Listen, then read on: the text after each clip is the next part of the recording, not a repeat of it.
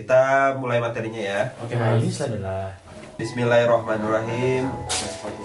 Assalamualaikum warahmatullahi wabarakatuh. Waalaikumsalam warahmatullahi wabarakatuh. Alhamdulillah, alhamdulillah rabbil alamin. Eh, puji syukur marilah kita eh, persembahkan kepada Allah Subhanahu wa taala. Eh, Tuhan semesta alam yang maha kuasa, maha pemurah, maha mengatur segalanya termasuk yang memberikan kita banyak nikmat, salah satunya nikmat kesempatan eh, di tengah segala macam ini ya yang teman-teman alami sekarang mungkin lagi ujian, lagi ada eh, pekerjaan yang yang jadi beban. Mudah-mudahan eh, semua dilancarkan. Salawat serta salam marilah kita persembahkan pangkuan Nabi besar kita Nabi Muhammad sallallahu alaihi wasallam yang telah berjasa me- menghadirkan kita uh, ideologi Islam mengajarkan manusia yang paling jahil ketika itu uh, dan mencontohkan bagaimana uh, menjadi manusia seutuhnya manusia sempurna yang dengan kita mencontohnya saja dengan kita berusaha mencontohnya saja itu semua masalah itu pasti ada solusinya. Jadi kalau seandainya kita punya masalah di zaman sekarang dan kalau kita belajar lagi bagaimana dulu eh, sejarah me- memberitahu kita bagaimana menyelesaikan masalah itu, insya Allah ada semua jawabannya. La Nabi Ba'dah, tidak ada Nabi setelah Nabi Muhammad SAW. Jadi dulu sa- salah satunya setelah yang paling peristiwa yang paling eh, besar setelah Rasulullah wafat itu kan adanya nabi palsu ya. Jadi itu eh, kalau kita mengimani ada nabi setelah Nabi Muhammad itu kita bisa keluar dari Islam. Em, hari ini judul kita eh, mawas diri, pahami ideologi. Jadi eh, ini udah kemarin ini udah kemarin ya tentang eh, adab-adab kita atau aturan-aturannya. Eh, pertanyaan-pertanyaan besar mungkin ini sambil jalan akan kita bisa eh, bahas. Ini udah kemarin ya yang dua tambah dua sama dengan Empat. empat betul.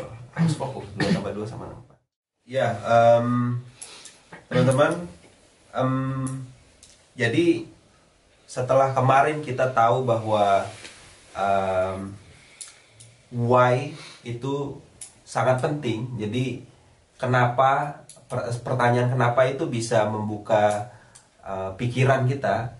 Maka hari ini eh, insya Allah kita akan kembali berdiskusi eh, tentang pikiran-pikiran yang selama ini ada juga dan bagaimana pikiran-pikiran itu membentuk kita. Jadi kita akan coba memahami kehidupan.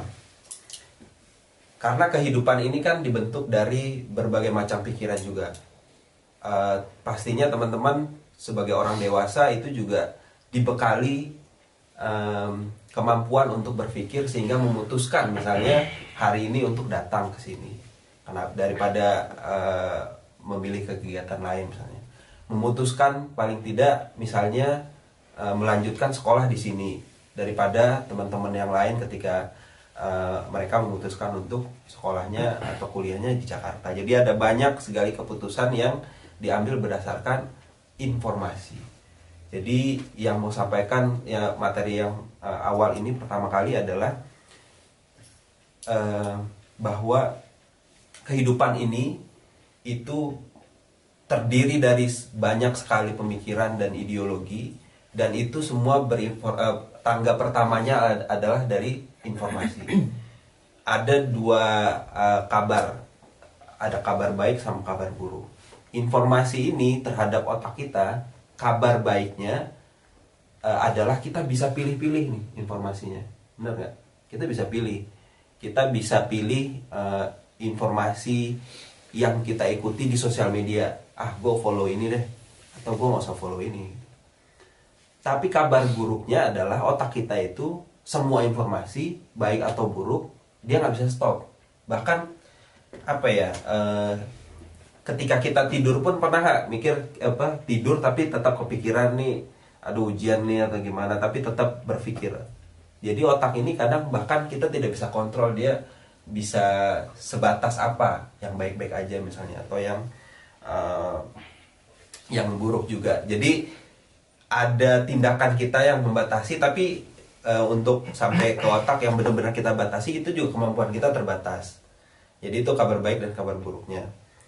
Nah kita tahu bahwa informasi itu penting juga untuk membentuk pemikiran teman-teman.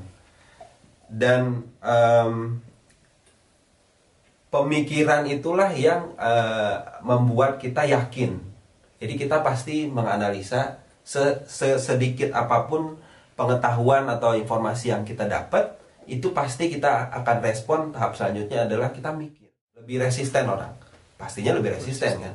Jadi saya ngasih tahu uh, apa orang dengan mukul misalnya atau dengan maki-maki duluan. Wah, itu dia udah nggak mau. Nah, ini juga seperti apa ya membuka uh, awalan jadi awalannya juga harus benar balik lagi tadi informasinya juga harus benar jadi akliyah itu adalah pola pola pikir. Nah setelah kita yakin baru kita bertindak ya.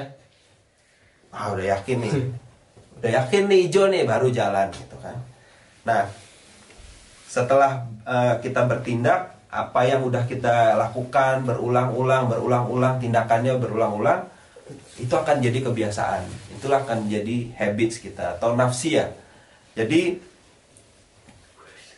kepribadian atau syaksiah kalau dalam uh, kajian kita ini uh, kepribadian kita itu bisa berubah karena ada dua ada dua rumusnya nih berubah kalau pola pikir berubah sehingga pola diikuti dengan pola kebiasaan yang berubah Pola pikir itu terdiri dari pemikiran dan keyakinan. Pemikiran dan keyakinan ini informasi sumbernya tetap balik lagi dari informasi.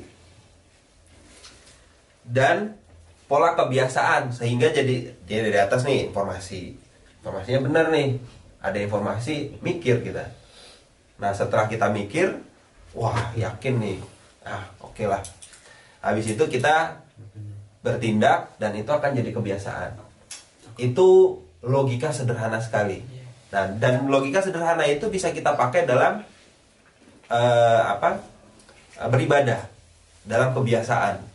Kebiasaan sholat tahajud, kebiasaan berpuasa, kebiasaan sedekah. Jadi eh, apa rumusnya ini sama gitu. Ini tentang kebiasaan ya. Um, siapa yang biasanya sikat gigi dulu baru mandi? Saya. Ada ya, ada tapi ya. Tapi ada juga, ada yang kebiasaannya mandi dulu, habis itu baru sikat gigi ada nggak? Nah kalau yang nggak nggak sikat gigi siapa nih? Dari semua ada juga. Saya dua-duanya sih. Dua-duanya kebiasaan. Maksudnya tergantung. Oh, jadi mana yang ini? Tergantung tergantung. Ya udah kalau gitu gini, semua angkat tangan kayak gini coba. Semua kayak gini. Uh, hitungan ketiga, hitungan ketiga ini tangan, ini tangan di disatuin ya. Ya. Hitungan ketiga, satu, dua, tiga. Satu gini, satu gini. Oh, satu ini. Ulangi, ulangi, ulangi. Hitungan ketiga di sat- di disatuin di di Di kepal ini. di kepala. Satu, dua, tiga. Yang mana yang sebelah yang di atas yang mana eh, Yang jempolnya sebelah di atas, yang Sebelah kanan kanan. apa kiri? Yang kanan siapa aja? Kanan. Kanan. Yang kanan angkat. Mas Riza angkat mas. Oke. Bisa kanan bisa kiri. Bisa kanan bisa kiri. Enggak yang tadi barusan. Yang yang yang Yang spontan. yang otomatisnya otomatisnya kanan. Nah, seandainya ini sekarang eh, satu lagi, tapi saya bilang satu dua tiga harus berlawanan dengan itu, eh, pasti Nyaman nggak? ya, nyaman atau Nggak nyaman. Ya, Nyaman. ya, itu juga tergantung kebiasaan. Nyaman. Enggak. Nyatau. gitu. Jadi Biasain dulu, ntar dia nyaman. ya balik lagi ke situ ya. Jadi dirasain dulu. Nah, jadi teman-teman Kan terlalu nyaman. kalau kalau itu dibawa ke ke, eh, ke kebiasaan baik itu juga sama sebenarnya Eh, kebiasaan untuk puasa sunnah senin kamis misalnya Siapa tuh? jadi semua kebiasaan itu informasinya didapat dulu fadilahnya apa sih ini tahajud misalnya ya. Ini mumpung winter kan eh, malamnya banyak kan. Informasinya kita dapat dulu. Eh, dan Ustadz Adi Hidayat itu bilang informasi untuk beribadah itu Ustadz Khalid kalau nggak salah itu akan sangat sangat me- men-trigger kita kalau kita tahu keuntungannya. Ya kita harus tahu fadilah atau keutamannya. Habis itu kita pikir wah kayaknya bisa nih. Saya kan winter nih lama nih subuhnya aja setengah tujuh. Ah saya bangun aja setengah enam jadi dipikir ya dipikir. Terus wah yakin nih bisa nih besok nih bisa lah. Terus baru kita setting strategi kan alarm lah atau apa gitu. Terus mulai dibiasakan. Oh bisa nih. Nah winter ada berapa bulan eh, sampai sampai kapan nih? Coba dulu lah seminggu lah gitu. Nah insya Allah kalau seperti itu itu bisa jadi kebiasaan. Dan itu teman-teman yang Rasulullah SAW itu ajarkan atau em, apa bangun di sahabat-sahabat yang awal. Sehingga bayangkan dalam eh, orang-orang pertama yang masuk Islam itu itu kepribadian Islamnya ya kepribadian Islamnya itu tuh nggak kaleng-kaleng lah bahasanya. Yang bisa ketika dia dia pergi ke suatu tempat suatu tempat itu Islam juga bisa. Da- dakwahnya tuh mantep gitu. Dulu Rasulullah itu memimpin eh, dan mengajarkan para sahabat untuk yang dibina itu adalah akliyah atau pola pikirnya dan nafsiyah atau pola kebiasaannya teman-teman. Eh, beliau adalah Kiai Haji Hafiz Abdurrahman. Eh, saya belajar juga dengan beliau salah satunya lewat ya karena saya belajar eh, dengan muridnya ya. Saya belajar dengan Mas Wimar. Mas Wimar ini juga belajar langsung sama Kiai Haji Hafiz Abdurrahman ini kalau dicari nanti bisa di YouTube untuk eh, materi lengkapnya ya. Kita balik tadi eh, intinya adalah bagaimana sih sebenarnya membentuk kepribadian Islam. Eh, pemikiran kita kepribadian Islam itu tadi. Kalau dari rumus-rumus juga pokoknya kebiasaan itu itu eh, ada dua sebenarnya eh, faktor utamanya yang bisa membentuk kebiasaan. Banyakin latihan terus diulang-ulang kan pernah mungkin dengar eh, perdebatan adalah sepuluh ribu jam ya. Kalau mau mastering something skill itu sekian puluh ribu jam. Eh, akhir-akhir ini kan mungkin sosial media tuh Kobe Bryant meninggal ya. Tahu ya? Kobe Bryant itu katanya dia itu untuk free throw eh, lemparan bebas itu itu eh, latihannya sampai ratusan ribu kali sehingga dia kalau udah sampai di titik itu kalau lagi main di titik itu dia udah otomatis udah bisa gitu. Dan itu semua pakai latihan. Dan itu semua bisa gitu. Makanya kadang-kadang tuh kita eh, punya alasan wah hidayah mah susah ya. Saya mah belum dapat hidayah aja nih gitu. Padahal sebenarnya kalau informasinya dapat bahwa kebaikan Islam itu nyata dia cari informasi itu teman-teman nih salah satunya kita lagi eh, belajar gitu saling menyebarkan informasi.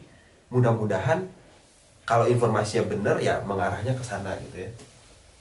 Kalau dalam eh, level eh, religius atau keagamaan ada waktunya. Jadi setelah dia latihan diulang-ulang menjadi kebiasaan terus dia belajar lagi nih balik lagi untuk informasi itu berapa lama gitu? Kalau eh, teori eh, yang tadi menyebutkan jumlah jam misalnya tapi eh, di Islam itu salah satunya mungkin eh, dalam hitungan 30 sampai 40 hari eh, yang kalau saya, saya lupa mm, hadisnya ya.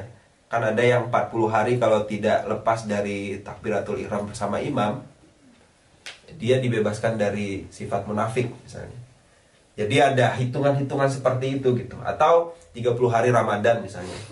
Eh, eh, selama bulan Ramadan kurang lebih 29 atau 30 hari kita membiasakan hal-hal seperti itu. Contohnya nanti mudah-mudahan bisa kebawa selama satu tahun gitu. jadi hitungan-hitungan seperti itu gitu. Jadi kebiasaan itu menentukan bagaimana kita menjalani kehidupan. Apakah jadi kita bisa berpikir nih apakah kebiasaan kebiasaan kita selama 24 jam ini adalah kebiasaan-kebiasaan yang baik sehingga membuat kita apa ya kalau dihitung-hitung ya eh, 24 jam kurang eh, waktu tidur kebiasaannya itu lebih banyak pahalanya atau tidak lebih tidak lebih banyak pahalanya misalnya. Nah itu juga bisa jadi bahan renungan kita. Ada kabar baik nih untuk membentuk kebiasaan yang yang eh, islami atau yang baik gitu kabar baiknya itu kita tidak harus punya motivasi dan nggak harus pakai mikir. Nggak nggak artinya nggak perlu kayak banyak banget ininya. Yang penting lakuin aja gitu untuk melatih kebiasaan. Tapi kalau punya bayangin kalau punya motivasi dan punya apa keyakinan tadi dari informasi wah itu lebih mantep gitu. Kalau dibilang eh, tidak punya aja bisa berarti kalau punya lebih bagus salah satu strateginya juga adalah menambah motivasi itu gitu. Gitu ya.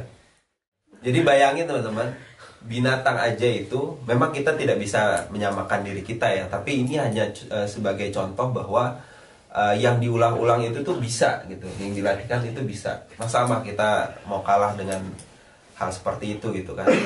Ketika misalnya tadi salah satu pemain bola itu dapat informasinya dapat eh, segala hal eh, fasilitas dia bisa sehebat itu gitu. Jadi ya kita juga bisa. Nah sehingga kita sekarang juga tahu bahwa eh, informasi itu sangat penting. Karena dari informasi itulah pola pikir atau akliyah kita dan pola kebiasaan atau nafsiyah kita itu membentuk kepribadian.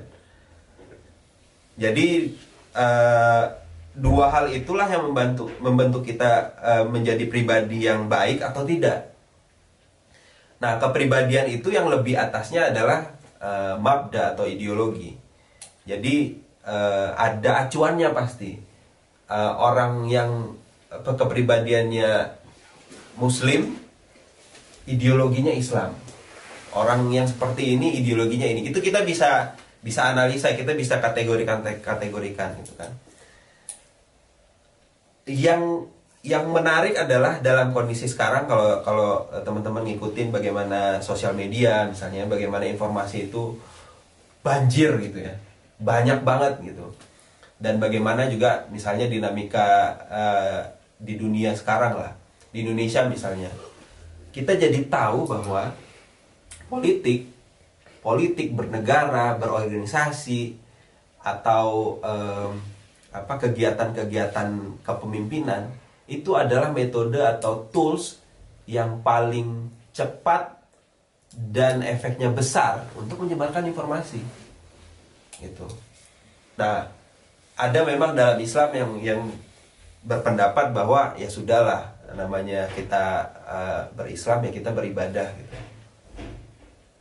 Tapi kalau kalau saya sih menurut saya kita juga harus peduli dengan hal-hal seperti ini. Kita harus ambil juga bagaimana caranya supaya bisa ber apa ya me- men- menggunakan segala macam kesempatan untuk menyebarkan informasi ini juga. Kita akan mulai ngomongin tentang ideologi nih. Karena ideologi tadi ternyata ada hubungannya dengan bagaimana tadi informasi disebar, informasi di em, dibentuk bahkan yang informasi itu bisa membentuk kepribadian. Ideologi apa aja nih di dunia yang teman-teman kepikiran atau tahu? Liberal. Komunis. Komunis, liberal, apalagi Pancasila. kapitalis, pancasila, sosialis, Itu sih. Syariah. syariah, Khilafah. khilafah. Oh kali pilih itu sih. Khilafah dong. Masya Allah. Federal. sosialis, Sosialis. Kapitalis, dan yang terakhir Islam, ideologi Islam. Ini sebenarnya eh, kalau ngebahas satu-satu ini itu eh, cukup panjang, cukup dalam sebenarnya. Dan kita bisa bisa eh, apa yang lebih dalamnya bisa di pertemuan-pertemuan selanjutnya. Tapi paling tiga teman-teman ada tiga ini yang paling em, sering dibahas dan banyak informasinya gitu ideologi sosialis, ideologi eh, ideologi kapitalis dan ideologi Islam. Tapi ini juga jadi kalau teman-teman di sini belajar politik atau belajar eh, apa ilmu sosial, ada banyak terminologi. Tadi kan ada disebut juga liberal ya. Ada disebut juga tadi komunis misalnya. Kalau ini tuh eh, dua ini ini sistem sistem ekonominya. Sistem ekonomi sosialis dan sistem ekonomi kapitalis. Nah yang menarik adalah ideologi itu atau pemikiran itu selalu eh, apa selalu diikuti oleh eh, ajaran ya ajaran atau eh, implementasi dari pemikiran itu. Kan tadi ada tindakan kan rumusnya. Dan biasanya ideologi ini juga digunakan untuk mendekati atau melihat masalah. Jadi masalahnya apa pendekatan dari jalan keluar masalah itu pakai ideologi nah menariknya gini ada juga yang bertanya kenapa ada ideologi Islam? Bukannya Islam itu firman Allah Subhanahu Wa Taala? Kenapa pakai pikiran manusia? Atau jangan-jangan teman-teman juga mau ada, pertanyaan seperti itu gitu kan? Atau saya nanya deh ini kan pemikirannya orang ya dari pemikiran orang ya? Ini juga kan? Nah, berarti ini pemikiran dari dari pemikiran orang juga. Wah ini bisa bisanya Muhammad aja atau bisa bisanya Nabi Muhammad SAW aja misalnya sempat berpikir seperti itu atau Ibnu iya nih Gak apa-apa, kita kita eh, mendiskusikannya justru. Jawabannya? Se- seandainya ada orang berpikir seperti itu, salah nggak? Enggak sih. Nggak tahu sih. Kenapa nggak? Ya karena tadi kan ideologi dari pemikiran orang kan. Kalau adanya ideologi Islam, berarti dari ada pemikiran orang dong. Bisa disebut ideologi gitu. Oke. Tergantung informasinya sih. Pokoknya nggak ada yang Afifnya. Ini tadi yang saya bilang, setiap ideologi itu memiliki akidah atau keyakinan dan sumber hukum utamanya. Dan dengan sumber hukum itu, dia mendekat apa? Pendekatan dia menyelesaikan masalah ketika ada masalah pakai sumber hukum itu. Jadi yang disebut sama tadi Ibnu bahwa itu tidak salah adalah bagaimana kita mengeksekusi pemikiran eh, apa? Ada sumber hukum sum- sumber hukum Islam kan ada empat ya. Ada empat atau ada dua atau ada tiga atau ada Dua. ada dua. Apa gitu? Quran dan Sunnah. Ya Quran Sunnah itu dua yang utama, ada dua lagi eh, itu satu lagi Ijtima ulama. ijtima ulama sama satu lagi saya lupa juga. Nanti kita cari lagi ininya. Maksudnya ingat ya? Ada empat. Quran, Sunnah, Hadis. Hadis. Eh, hadis. iya, Sunnah itu hadis satu. Saya lupa nanti kita bisa bahas lagi ya. Karena kan kayak di Quran itu di, diperintahkan sholat, tapi kita nggak bisa sholat karena nggak ada contohnya. Nah dengan sunnah kita bisa berhukum. Oh, kita, oh sholat tuh kayak gini tuh gerakannya, waktunya gitu. Perintahnya ada di Quran. Gitu. Jadi ya inilah dan turun sampai sampai sampai ijtima ulama.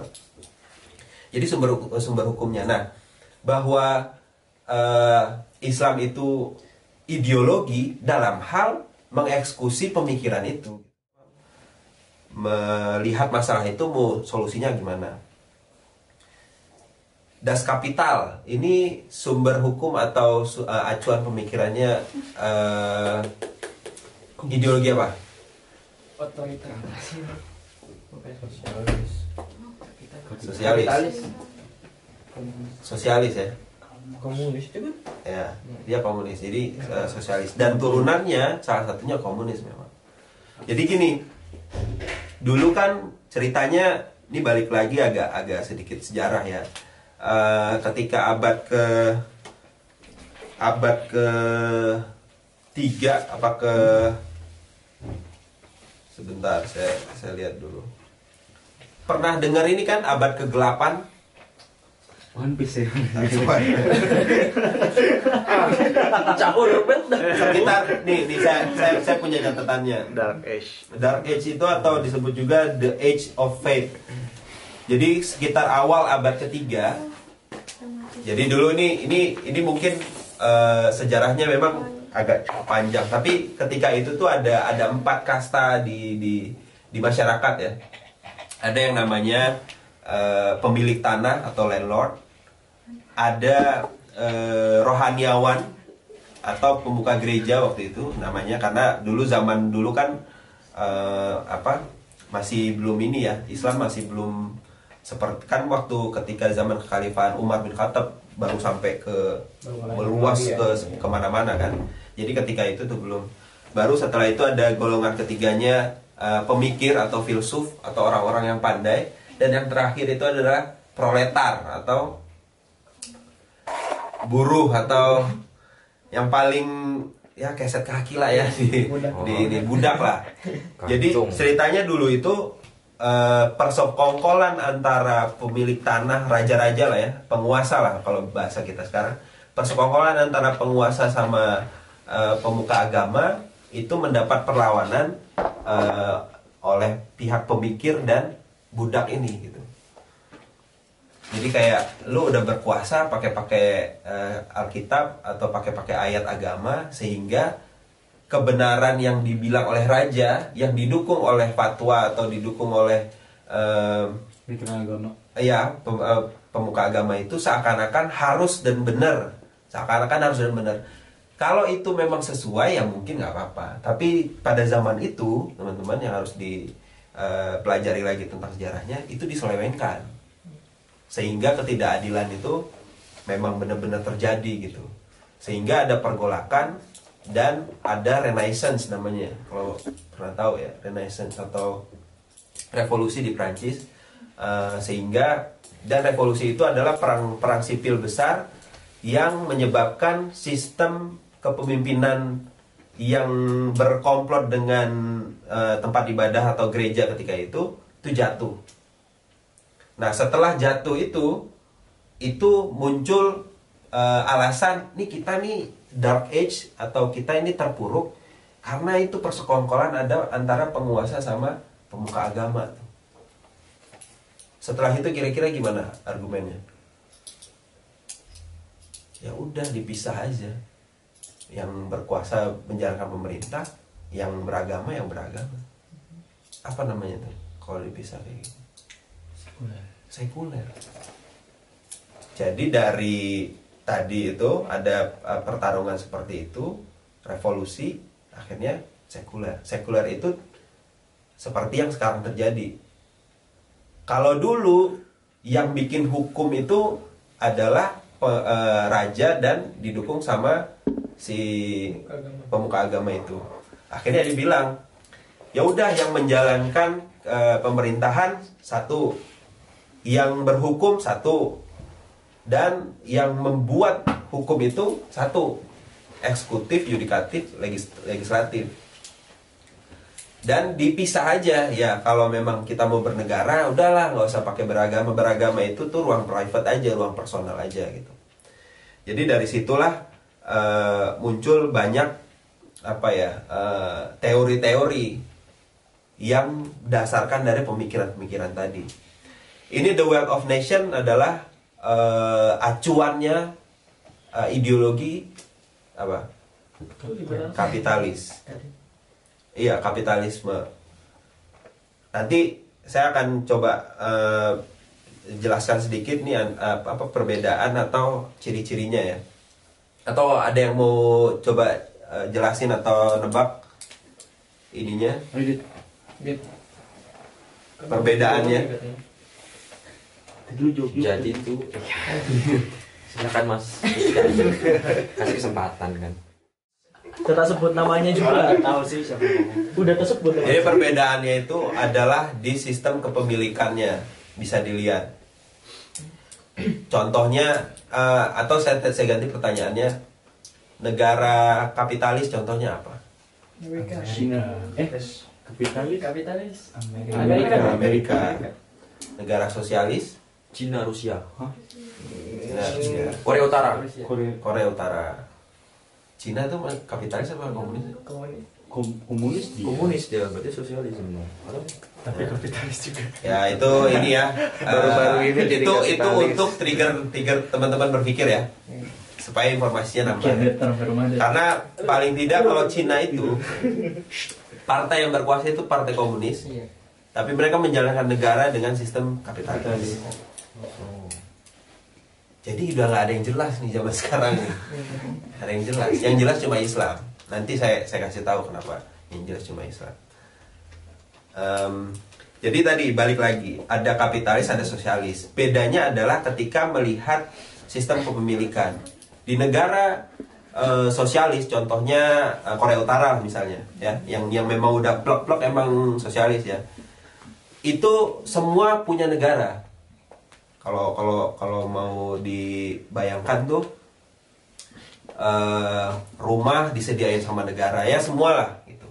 Bahkan anak itu punya negara juga. Manusia itu materi semuanya dianggap materi.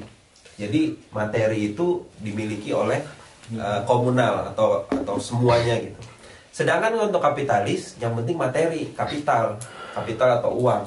Jadi semua bisa diselesaikan sama uang. Jadi pendekatannya itu pende- tadi ya balik lagi pendekatan menyelesaikan masalah.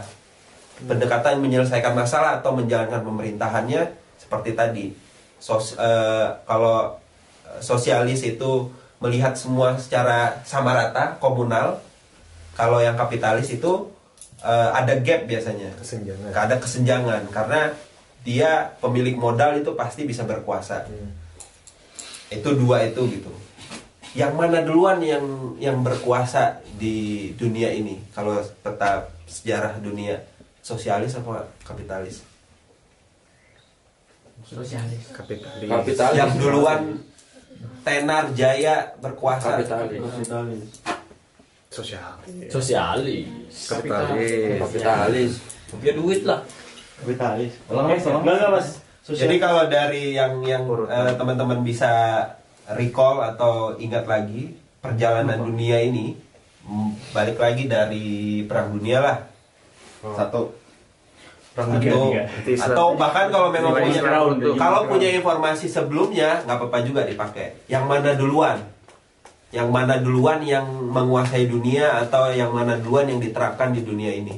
Sosialis atau kapitalis? Islam Kenapa dua pilihan doang? Pilihannya ya ini dua dua pilihan doang Sosialis, sosialis.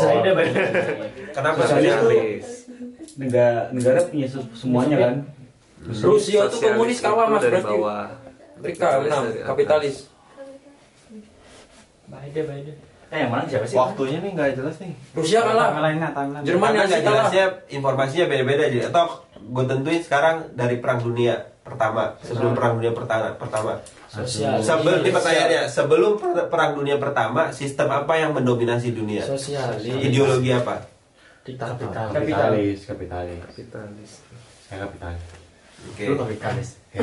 Yang yang pertama, yang pertama. Asik. Tadi tuh udah mikir nih, tuh udah mikir. udah selesai masa tebak-tebakannya Kalau yang pertama diktator mas. Orang pilihannya kapitalis. Ya diktator itu kan berarti kum anu. Ya, ini kan ada iya. dik- diktator masuk Iya. mana nih kan Iya. Yang pertama kan? Iya ini. Ya, Ya, kayak- Jadi turunannya dari ideologi sosialisme itu adalah misalnya komunisme. Komunisme ini ajar ini nanti nggak nggak semua bisa dijelasin ya. Ini Ya. ya, trigger informasi yang teman-teman bisa cari. Komunisme itu eh, prinsipnya adalah komunal, semuanya dimiliki oleh eh, sama-sama setara setara, semua setara. Dan komunisme ini juga eh, adalah antitesis dari tadi kapitalis tadi eh, gap Eh, atau ada pada dikuasai sama si pemerintah yang bersekongkol sama agama tadi gitu kan. Terus ada juga turunannya ateis. Ateis itu tidak mau diatur dalam arti kata eh, oleh agama ya. Karena agama itu kan aturan untuk eh, berkehidupan. Diktator tadi.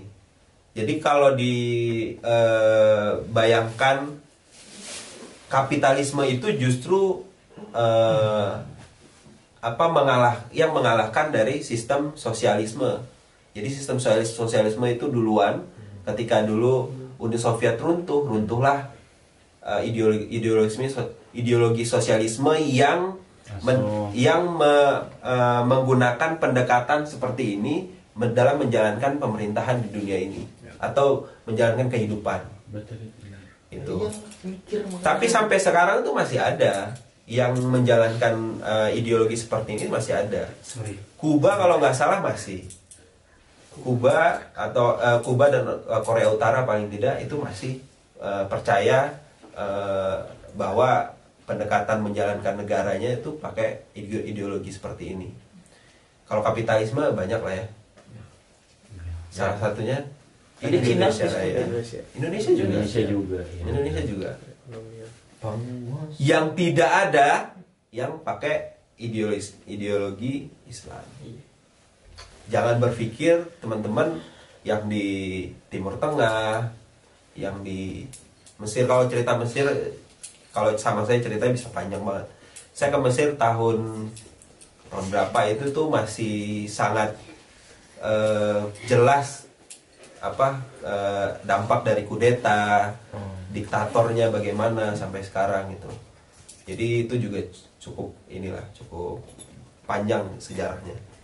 Jadi tidak ada sampai sekarang negara mana pun yang berideologi Islam Walaupun negara Arab. walaupun negara Arab. Kerajaan. tidak ada kerajaan tidak ada ini ini kalau pat- eh, patokan dan acuannya adalah ideologi Islam seperti yang Rasulullah jalankan dulu ya. Dan hanya itu memang yang benar sebenarnya. Dan it- dan hanya itu yang acuan yang memang benar-benar eh, valid lah bisa dibilang. Gitu. Bahwa mayoritas eh, mayoritasnya Muslim negara itu belum tentu negaranya negara Islam. Indonesia aja bilang kita ini bukan negara Islam. Kita ini adalah negara mayoritas Islam gitu ya nah eh, karena ini udah cukup lama eh, apa udah cukup panjang waktunya yang mau saya bilang adalah eh, masing-masing ideo- ideologi ini kan tadi bisa punya sumber hukum ya. Nah, di ideologi Islam itu sebenarnya kalau yang tadi itu ini banyak turunannya. Nah, kita tuh sebenarnya cuma cuman satu, sami sami nawa atona aja. Artinya kita kita dengar kita taat. Dengar ini adalah salah satu komponen indera untuk mencecap informasi tadi. Jadi balik lagi tadi ke materi yang awal tadi bahwa informasinya apa. Bisa jadi gini teman-teman, kita itu tidak menerapkan ideologi Islam karena apa? Karena kita nggak paham, karena kita nggak tahu, kita sangka ada masalah, kita eh, pakai ideologi yang lain untuk menyelesaikan masalah itu, padahal kita Islam. gitu. Dan itu itu tidak tidak kita tidak kita sengaja sebenarnya mungkin. Karena kita informasinya itu masih belum kita cari benar-benar dan belum benar-benar kita yakinin dan benar-benar kita kita terapin teman-teman. Itu sih intinya seperti itu. Eh, pertama kesimpulannya adalah bahwa informasi itu sangat penting. Otak kita itu tidak bisa milih informasi tapi kita bisa mengurangi dan menseleksi sebelum masuk ke otak kita dengan tadi itu eh, pilih informasi yang benar. Informasi itu penting karena dia akan sampai ke membentuk kepribadian kita. Kepribadian itu adalah bagaimana kita menjalani hidup kita. Nah bagaimana menjalani kehidupan?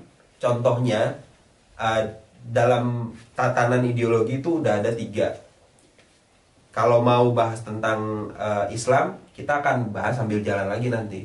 Dan saya saya bisa sarankan ke teman-teman untuk mulai eh, men- menambah informasi tentang bagaimana peradaban Islam.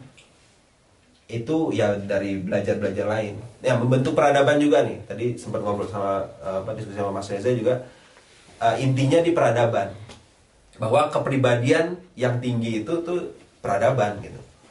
Nah eh, pentingnya lagi adalah bahwa kesimpulannya sumber hukum jadi kepribadian tadi membentuk eh, pola kita berkehidupan dan pola pola kita berkehidupan itu itu eh, kita adopsi untuk menyelesaikan masalah yang datang di kehidupan kita kan? Nah biasanya ideologi itu balik lagi dia punya sumber hukum dan akidah. Ketika kita umat Islam misalnya Muslim tapi kita pakai akidahnya sosialis atau kapitalis ya buat apa juga gitu kan.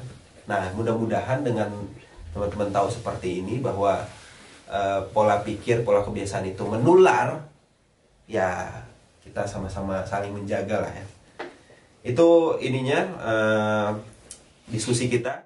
Intinya sebenarnya kalau ketawa itu bisa nular ya Nah, hati-hati juga kita eh, tertular sama ideologi ideologi atau pemikiran yang yang kadang tanpa kita sadar juga itu nular sama kita. Apalagi kita ini di negara yang eh, tidak terlihat bagaimana eh, praktek sehari-harinya orang Islam gitu kan. Karena kita minoritas. Jadi ya itu ininya. Intinya tidak jelas lagi sekarang kapitalis, sosialis, dan cuma ada satu yang jelas sebenarnya ideologi Islam. Dan itu yang mudah-mudahan kita bisa terus pelajari di eh, kesempatan lain juga. Demikian terima kasih. Assalamualaikum warahmatullahi wabarakatuh. Warahmatullahi wabarakatuh.